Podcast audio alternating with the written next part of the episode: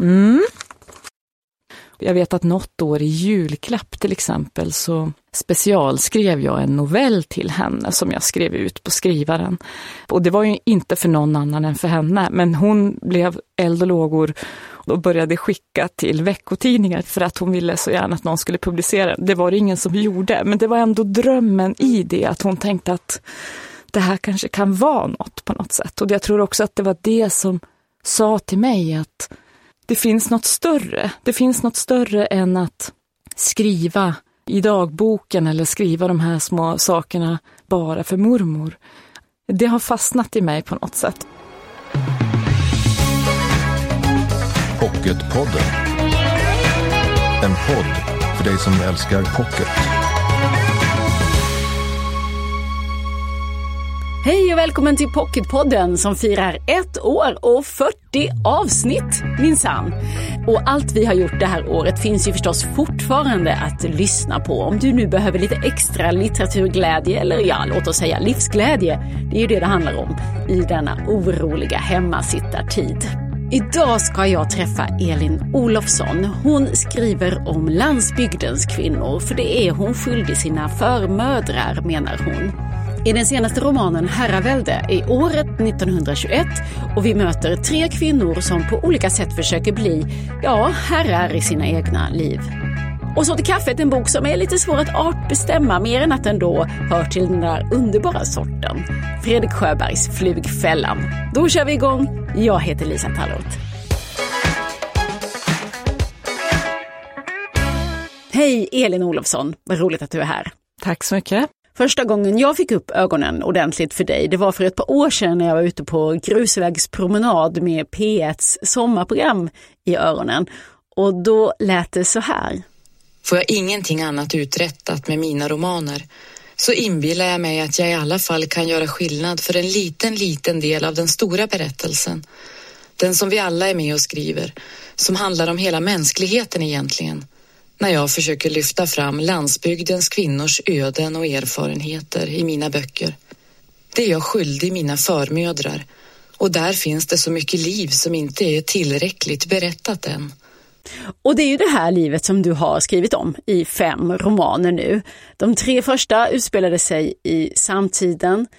Den fjärde, Krokas, handlar om tiden efter krigsslutet och här nu i herravälde är vi på 20-talet. Men platsen den är densamma och det är den som du känner utan och innan.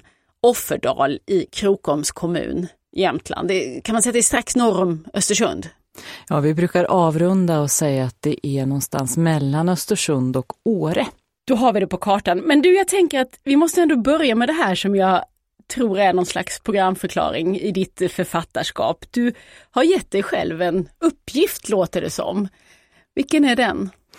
Jo, men jag har väl känt det här att jag som författare vill kunna berätta berättelser som berör mig och sådana som mig, alltså kvinnor och tjejer uppvuxna på landsbygden, kanske med landsbygdens specifika erfarenheter på något sätt och också berätta berättelser som, som jag har vuxit upp med på landsbygden om till exempel då kvinnor som, som har varit överlevare på olika sätt och som har haft ganska tuffa liv men som har klarat sig och, och kunnat eh, överleva och ta sig fram och sådär. Vad är det för slags erfarenheter då som landsbygden för med sig? Alltså jag tror att, jag menar människor är människor i alla sammanhang och, och på alla ställen, men jag tror att vi som är lantisar i själ och hjärta har ju lite andra erfarenheter när det gäller det här till exempel med vem som är i centrum och vem som är i periferin. Och våra berättelser har inte fått så stort utrymme när det gäller svensk litteratur men även när det gäller film och tv och sådär. Och det finns otroligt många ohörda röster och, och ännu inte berättelser berättade berättelser på något sätt bland, bland landsbygdens kvinnor, tänker jag, både historiskt och, och, i nutid och så.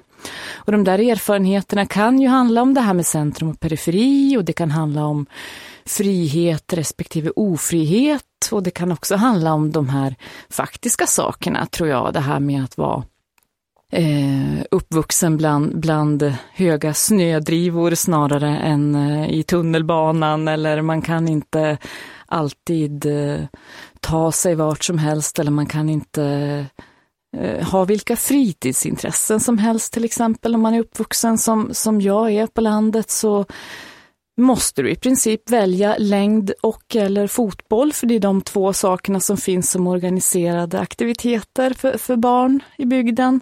Det finns ingen biograf, det finns ingen teater, det finns ingen eh, kanske konstnärlig verksamhet eller sådär i närheten. Och det formar ju oss på ett eller annat sätt.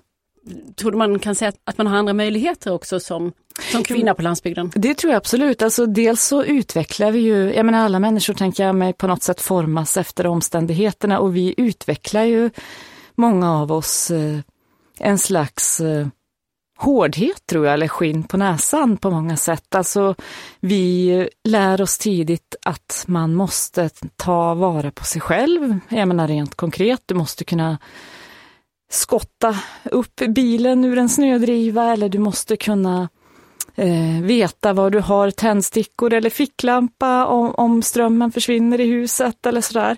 Eh, men också kanske någon mental slags hårdhet eller mentalt skinn på näsan tänker jag mig att vi får många av eh, oss som är eh, uppvuxna på landsbygden och sådär i att här gäller det att ta sig fram på ett eller annat sätt och här gäller det att skapa sig ett utrymme också för att göra de saker som man vill hela tiden.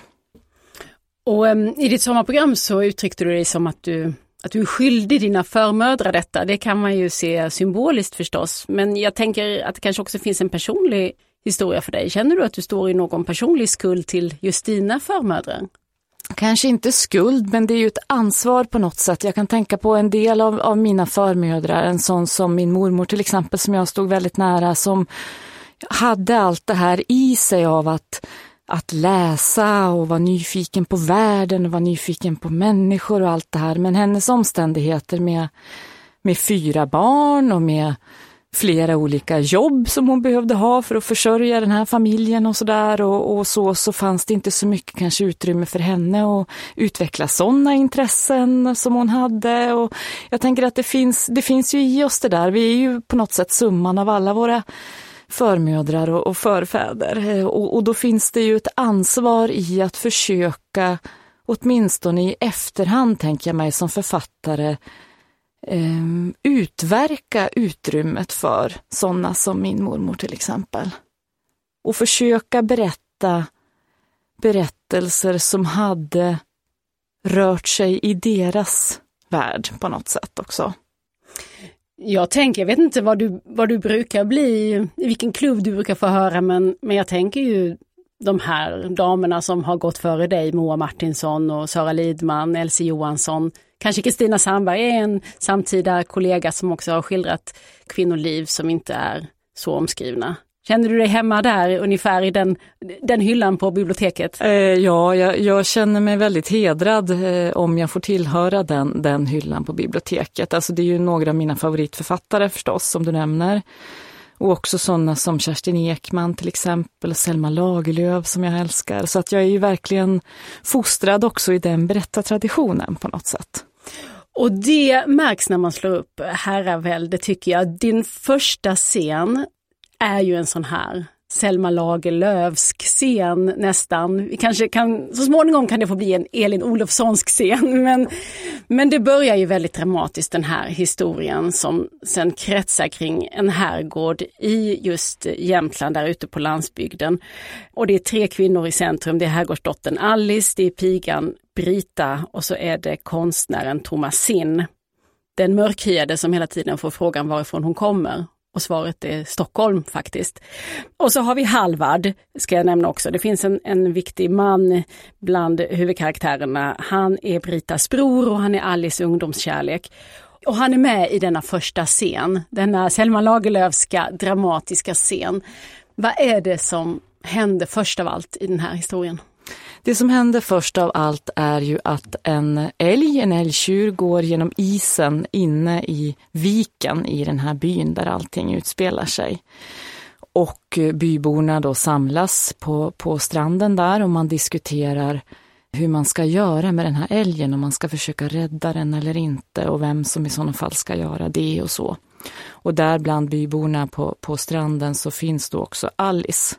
De har fått eh, lämna klassrummet och skolan och har fått gå ut och titta på det här dramat som utspelar sig. Och Halvard är ju den som till slut vågar sig ut på isen för att försöka rädda den här älgtjuren.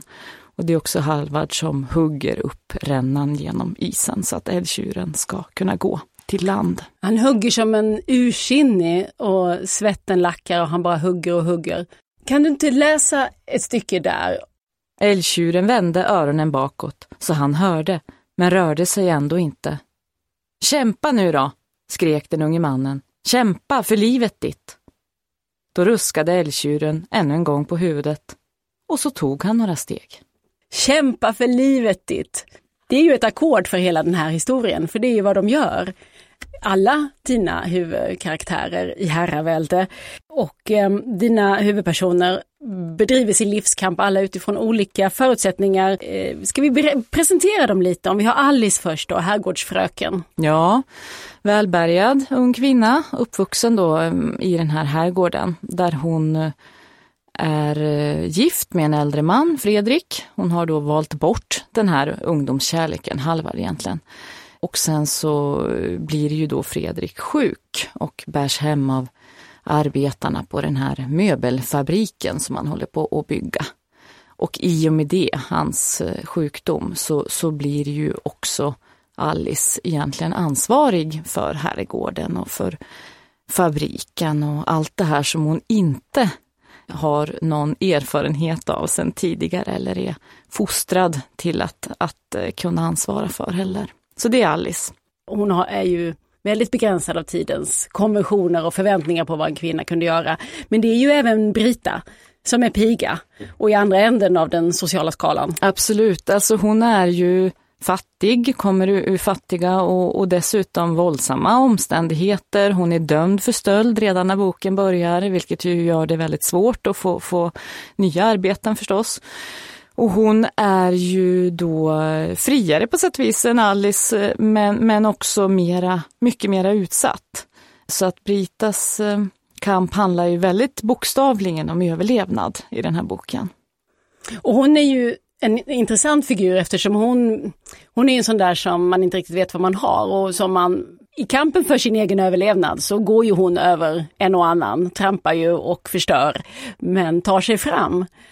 Ja, och sen så är det den tredje damen, Thomasin, eller hon är ju ganska ung när eh, historien tar sin början, men eh, hon är då den moderlösa konstnärsdottern. Och hon för in ett annat tema i den här boken som handlar om skapande och konstnärskap. Eh, vem är hon? Hon är ju då dotter till en eh, känd svensk konstnär, en, en fiktiv konstnär ska jag säga, för det är många som letar efter den här konstnären sen de har läst boken. Men han är påhittad. Eh, och hon har ju då eh, bestämt sig någonstans för att försöka bli konstnär själv, men hon står ju väldigt mycket i sin fars skugga förstås. Och hon är ju också då väldigt har vuxit upp i en väldigt skyddad tillvaro i Stockholm i sin fars ateljé i princip, där hon har tjänstgjort som hans assistent hela livet. Eh, men hon, hon tar sig ju då till den här herrgården genom att sno åt sig ett första uppdrag ur sin fars eh, brevhög. Och kommer dit eh, med uppdraget att måla herrgårdsparets porträtt då, alltså Alice Precis. och hennes mans Fredrik. Och sen har utspelar sig hela denna historia på försommaren 1921.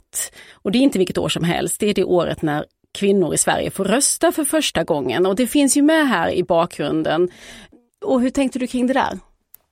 Jo, men det är verkligen i ramen kring berättelsen och det är så jag tänker kanske lite grann att, att jag vill använda historien när jag skriver eh, romaner. Att jag, jag tycker om att använda just de här faktiska förutsättningarna för liven som ramverk och sen hitta på berättelsen i mitten på något sätt. Och det är klart att, att rösträttsreformen för svenska kvinnor är ju en, en enorm seger egentligen för, för kvinnorna i Sverige. Men samtidigt, även för männen kan vi ja, säga. Även för männen, absolut. ja. men, men, man hade kämpat så ja. länge, liksom rösträttsrörelsen och sådär. Man var äntligen framme vid det här. Och då är det det första valet 1921. Sen var ju inte röstdeltagandet så jättehögt till exempel i det första valet och det finns ju en massa skrivet om det där liksom med hur, hur engagerade var man då till slut, de, de, vanliga kvinnorna om man får uttrycka det så, när de väl skulle få rösta och så.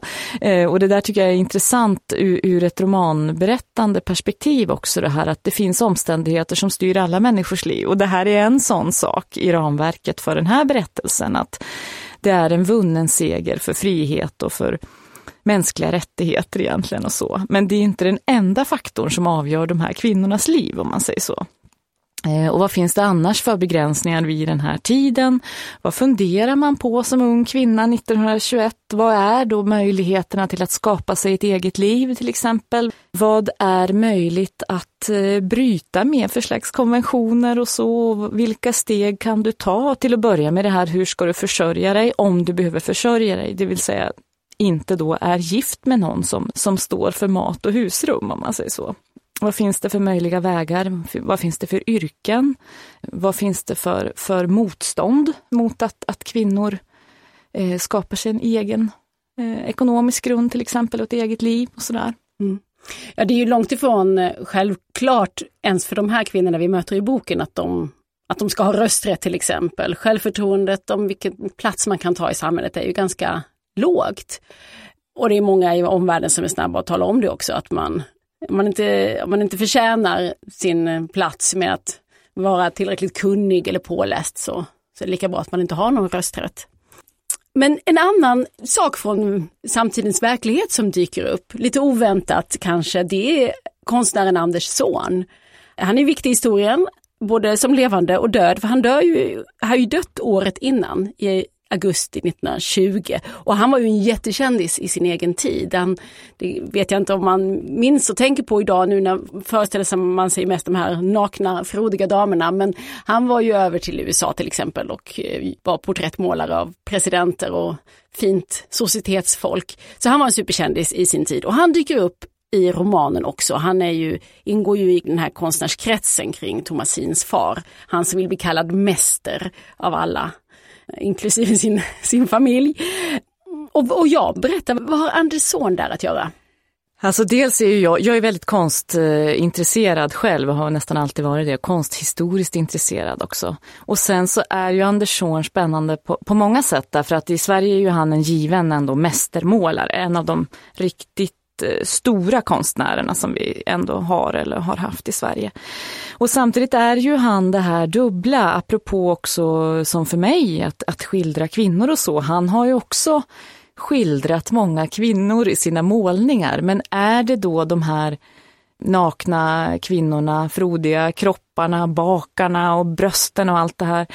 Så, så, att man kan tänka på honom som en konstnär som också är lite av en porrgubbe eller i motsats eh, till det är han också en av våra starkaste kvinnoskildrare. För så kan man också tänka på de här målningarna. Alltså han har ju ofta målat pigor och kvinnor i arbete och sådär, även om det är då ofta avklädda kvinnor. Mm. Till skillnad från societetsdamerna, de Absolut. var som regel påklädda. Jag tycker han är väldigt intressant konstnär för att vi har ju lätt att betrakta sådana som Anders Zorn som, det är någon slags idyll när vi tittar tillbaka konstnärligt och så att tycker att han är, som konstnär är han ju mer och mer intressant egentligen, för jag tycker att han är som konstnär allra mest intressant kanske när han målar sig själv i slutet av livet, där han verkligen är gammal och trött. Han retuscherar ju inte sina självporträtt alls nästan i slutet. Så att han är en intressant konstnär. Men sen i historien också, jag menar jag är inte bara intresserad av konst, jag är också väldigt intresserad av konstförfalskning. det är ett sånt där livslångt intresse som jag har, så det är, är också därför han är med i boken. Ja, för det är en viktig del av eh, händelseförloppet såklart, eh, som inte kanske ska avslöja för mycket kring, men det, det, spelar också in här. Men, men apropå det där du sa om son, för du har med, jag tycker du har skrivit det så fint, kan du inte läsa ett stycke där? Son liknade inte vargen. Han var vargen. Ett rovdjur innerst inne. Det rovdjur som skickliga konstnärer måste vara om de skulle skapa något storslaget. Han till och med målade sig själv i vargskinnspäls med det rynkiga skära ansiktet som sköt upp ur pälsen som om en varghona just födde honom fast han var åldrad, hopsjunken och trött. Den där bilden kan man googla så ser man att det är precis, precis så det ser ut. Som att han föds ut ur en varghona. Men du, det här med att skickliga konstnärer måste vara rovdjur. Hur är det med det, tänker du? Alltså jag tror att vi är det. Jag är det som författare. Inte alltid. Men det är någonting i berättandet och skildrandet och skapandet också, om man får använda det fina ordet, som gör att man ibland kan känna att man eh, tar en människa eller en berättelse, men kanske framför allt en människa, så tar man dem nästan som ett rov i munnen och springer iväg. För att man vill berätta den människan. Det kan kännas skoningslöst nästan när man skriver, tycker jag, att man, även om de är fiktiva karaktärerna, så, så tar man dem ju och vänder dem ut och in på något sätt. Sprättar upp dem och, och visar insidan. Och det kan kännas brutalt. Liksom jag tror att man ibland kan nästan, jag kan bli förvånad själv över hur, hur brutal jag är eller skoningslös jag är så när jag skriver. Men, men det finns också något i det där som, är, som jag tror förenar egentligen då alla, alla konstnärer i den vidaste bemärkelsen, oavsett om man målar eller skriver eller gör något annat. Att för att nå ända in så måste du, du måste på något sätt vara där inne och peta i, i själen eller i det hemligaste eller, eller så. Eh, så det är väl det jag tänker att, att så, sådana konstnärer som Anders Zorn, men även alltså många andra konstnärer och många andra författare och så, vi är där. Inte alltid, men då och då när vi arbetar. Och måste vara kalla inför det på något sätt. Man måste orka och kunna visa det innersta också på något sätt. I, i, I mitt fall i de människor jag skriver om, på gott och ont. Och ibland kan det kännas som man kanske till och med utnyttjar andra människors känslor eller tankar eller upplevelser också i det. För att du använder verkliga människor som förlaga eh, för dina fiktiva karaktärer, eller? Inte rakt av tror jag, men däremot så, så tror jag att man väver ihop alla möjliga olika typer av saker man har hört om folk eller man har läst om folk eller man har hört människor prata om i tågsätet bakom en eller sådär. Det kan vara väldigt svåra situationer och känsliga saker som jag tror att eh, vi författare eh, samlar på hela tiden. Och det är på gott och ont, för ibland kan det kännas som att man nästan stjäl någons inre. Men det är också för att skapa något större och för att skapa förståelse och mm, samhörighet och, och sådär, visa vad som finns inuti en annan människa. Du tycker du har gott uppsåt? jag tror att, att det är det enda uppsåt man kan ha som berättare i slutändan på sätt och vis. Man måste nå till det innersta och det ärligaste och så försöka vända det, den människan ut och in och visa det på något sätt. Du låter ju Thomas in i Herravälde den här unga konstnärinnan, eller hon håller på att hitta sitt eget konstnärskap för hon lever ju hårt i skuggan av sin far, den store mästarmålaren. Men hur det nu är så visar det sig som att kanske talangen har gått vidare nu till dottern och fadern kanske har haft sin storhetstid. Men hon försöker hela tiden bryta sig loss från honom och du låter ju henne ha många av de här tankarna kring skapande och konstnärskap. Jag tänkte, det där du pratar om nu, det skriver ju Thomas in eller du skriver det, Thomasin tänker det, om att eh, man använder sittaren, den man ska porträttera av, hon är ju porträttmålare, tills allt var klart och begripligt och sen var den människan över för konstnären, förstådd och slut. Och då var man inte så rädd för den människan längre, inte ens när det var mäster, alltså hennes dominante fader. Är det så du också tar dig an dina rädslor och obegripligheten i tillvaron. Du skriver dig igenom dem. Jag tror det. Alltså det är ju ett sätt att förstå tillvaron i att skriva. Eh, och, och, det är ett sätt att förstå människor. Alltså jag tänker alltid sådär, det, det är mitt största intresse överhuvudtaget i livet. Det, det är vad folk är och vad folk gör och varför de gör så. Och det är ju det man, man gör, tänker jag, när man till och med skapar då egna människor och skapar deras känslor och skapar deras relationer och deras situationer och allting som författare. Så, så plockar du verkligen isär dem som om de vore maskiner nästan. Och när du har plockat isär alla delar och sett vad alla delar av en människa är, så plockar du ihop den igen och då har du en färdig karaktär och, och kanske en färdig bok. Eh, men du har också avkodat den människan på något sätt. Du vet vad varje del är och då förstår du också den människan. Eh, så jag tror att det är så, det är därför jag skriver, egentligen tror jag så handlar det väldigt mycket om det där, att plocka isär människor och sätta ihop dem igen och se, se var alla bultar sitter och vad det är som egentligen får den här människan att överleva eller drivas framåt eller, eller inte överleva. Sen är det ofrånkomligt det här också att man, man rovar ju av sig själv som författare. Man är ju alla sina karaktärer till exempel för att man har hittat på dem. Hur mycket av, av den här fattiga pigan Brita är jag till exempel? Hur mycket är jag en överlevare men också vilka gränser är jag beredd att gå över och inte för att, för att ta mig fram exempelvis? Som ju hon då också gör i boken. Så, så att jag tror att man, man är ju där också i sina funderingar som författare. Blir man klokare på sig själv av att skriva sådana här berättelser som du? Nej, alltså jag tror man är alltid en gåta för sig själv. Det är en sån där rebus som inte går att lösa. Eh, däremot så tycker jag att man blir lite klokare generellt när det gäller människor eftersom man lägger väldigt mycket tid på det här att plocka isär och sätta ihop igen. Och det gör att man har en större förståelse. Jag tycker att jag har fått en större förståelse för människor och hur de agerar, även, även människor som man tycker är rätt sviniga om man säger så, så kan man ändå hitta eh, något gott i alla och man kan förstå vilken handling som motiveras av vad och sådär. Jag tycker att jag blir, jag blir bättre utbildad i människosläktet av att skriva på det sättet. Och det blir man ju också av att läsa, det kan jag tillägga. Särskilt dina romaner här, eh, Herravälde är den senaste som vi har pratat om nu och då som är aktuell som pocket förstås. Och du har rört dig då från modern tid till lite mer eh, historiskt om vi får säga, 20-tal, 40-tal. Var befinner du dig nu i tankarna? Ja, jag har ju precis börjat arbeta med nästa bok så att jag tror, utan att lova något, så tror jag att vi kommer att röra oss i historisk tid men vi kommer att röra oss eh, kanske någonstans mitt emellan där, att det kan bli 30-tal exempelvis. Mm.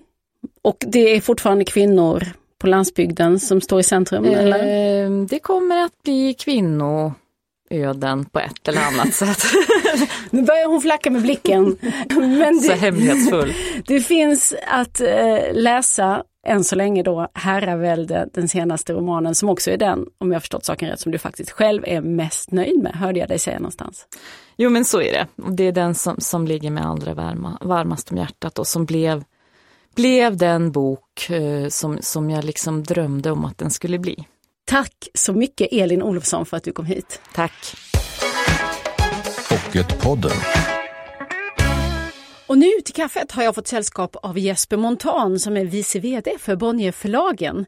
Hej! Hej! Och du är här för att vi ska strax prata om en underbar bok. Men jag måste ju fråga dig, hur har du det i så här i coronatider? Ja, nej men jag känner mig pigg och har en del studs i dojan fortfarande, vilket jag är tacksam för. Samtidigt då så är det ju bedrövligt och försöka ta in den här situationen som, som vi ju liksom alla befinner oss i.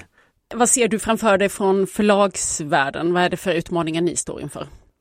Jag tror nog att de ser ut som för ganska många, att det handlar om att försöka förutse hur eh, den här totala eh, nedstängningen av eh, mänsklig aktivitet egentligen påverkar. Vi försöker också naturligtvis påminna om att läsa böcker och stanna hemma med en bok i det här läget eh, är ju faktiskt en ganska bra aktivitet. Rent konkret så tittar vi väldigt mycket på hur bokhandeln beter sig och eh, även hur distributionskedjor fungerar. Och än så länge skulle jag säga, det finns naturligtvis störningar och det är ju eh, ganska kraftig tapp i bokförsäljningen, eh, vilket ju är helt rimligt, vore väldigt märkligt annars. Eh, samtidigt så är den svenska bokbranschen eh, diversifierad i sina kanaler så att det finns ju sedan länge en etablerad onlineförsäljning.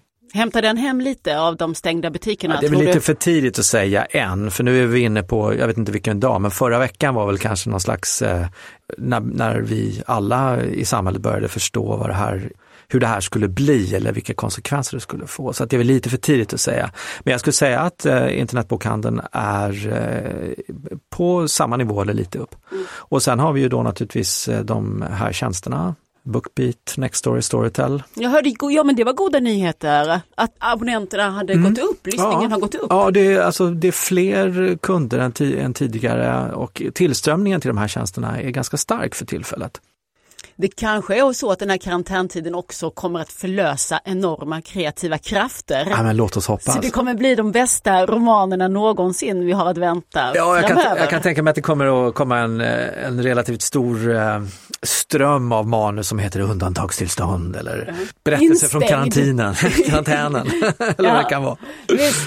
Ja, det är sånt ni tröstar varandra med nu när ni sitter ändå och försöker få koll på siffrorna här som ändrar sig raskt förstår jag i detta ändrade läge. Men du, stanna hemma med en god bok, det gör ju också du. Du sitter inte bara i telefonkonferenser hela dagarna. Nej. Och nu har du tagit med dig Fredrik Sjöbergs Flugfällan. Det här är tre böcker i en samlad pocketutgåva. Nämligen? Och det, sen är det... Flyktkonsten och Russinkungen. Och det är tre böcker som hänger ihop lite löst får man väl säga. Och eh, är ju, eh, som allt Fredrik Sjöberg gör, väldigt eh, speciellt. Det finns ju ingen som skriver som Fredrik skulle jag säga. När jag hörde att vi skulle prata om den här, eller att du ville ta med den här, så öppnade jag den och drogs direkt in i första kapitlet. Jag var dessutom tvungen att gå ut och läsa det högt för min man medan han lagar mat. För det så, den börjar så fruktansvärt roligt och bra så man bara smäller av. Ja men så är det och det, det är ju faktiskt en väldigt bra bok i dagsläget. Och som jag sa, jag vill inte på något sätt mena att vår situation som vi befinner oss i inte är allvarlig, för det är det naturligtvis. Men känner man för en läsning som tvättsäkert leder en in på gott humör så ska man vända sig hit. För det här är ju eh, ett väldigt speciellt sätt att skriva på och böckerna blir som ingenting annat. Det finns en härlig kolsyra i, i språket som Fredrik skriver och eh, det är ju lite lätt halsbrytande berättelser det här är. Och det, du frågar efter vilken genre, ja det här är ju kanske lite åt det här eh, hållet när man pratar om en modern slags eh, fackbok som har vuxit fram på de senaste åren. Tänker man exempelvis på en, en sån bok som uh, Ålevangeliet så, så är ju det också en, en bok i den här uh, lite nyare fackboksgenren som inte bara beskriver en sak utan väver in väldigt mycket annat och inte minst författaren själv i den här berättelsen. Och när Fredrik skriver så är det ju fullt av infall och stickspår på en mängd olika håll och inte minst från Fredrik och hans eget liv också. Och hans värld, för han är ju då förutom författare och journalist också biolog. Ja. Till och med entomolog ja, har jag fått lära mig. Är tungan till munnen, entomolog. Insekts, då intresserar man sig för insekter. Ja, just det. Och i Fredriks fall så är det ju speciellt blomflugor det hela handlar om. Och den första boken, Flugfällan, har ju en person i centrum som heter René Malais. Och inom eh, blomfluggebitet så är han inte på något sätt en okänd person. I sitt värv som entomolog så var han också på en mängd olika expeditioner till eh, väldigt eh, långt borta ställen. Kamchatka exempelvis, där han också råkade hålla på med sobelfarm, eller ha en sobelfarm och eh, han kom till Burma och till en, en mängd andra ställen. Och det här är en typisk person som, som Fredrik gärna dras till och skriver om eftersom det blir så väldigt mycket olika saker på en gång och det är det som blir så fantastiskt med de här böckerna. Tusen tack Jesper Montan för att du kom hit till podden. Tack ska du ha. Nästa vecka kommer Ninni Schulman hit till Pocketpodden och hur kan jag vara så säker på det då, nu när ingen vet något om framtiden? Jo, för vi har precis spelat in ska du veta och det blev ett snack om att hantera en deprimerad hjältinna, om rasbiologi och om Värmlands sägner, bland annat. Alltihop hör du kommande fredag eller när du vill efter det. Följ oss gärna i sociala medier, där heter vi Älska Pocket och jag heter Lisa Tallroth. Hej då! Tvätta händerna! Du har lyssnat på Pocketpodden. En podd från Bonnierförlagen.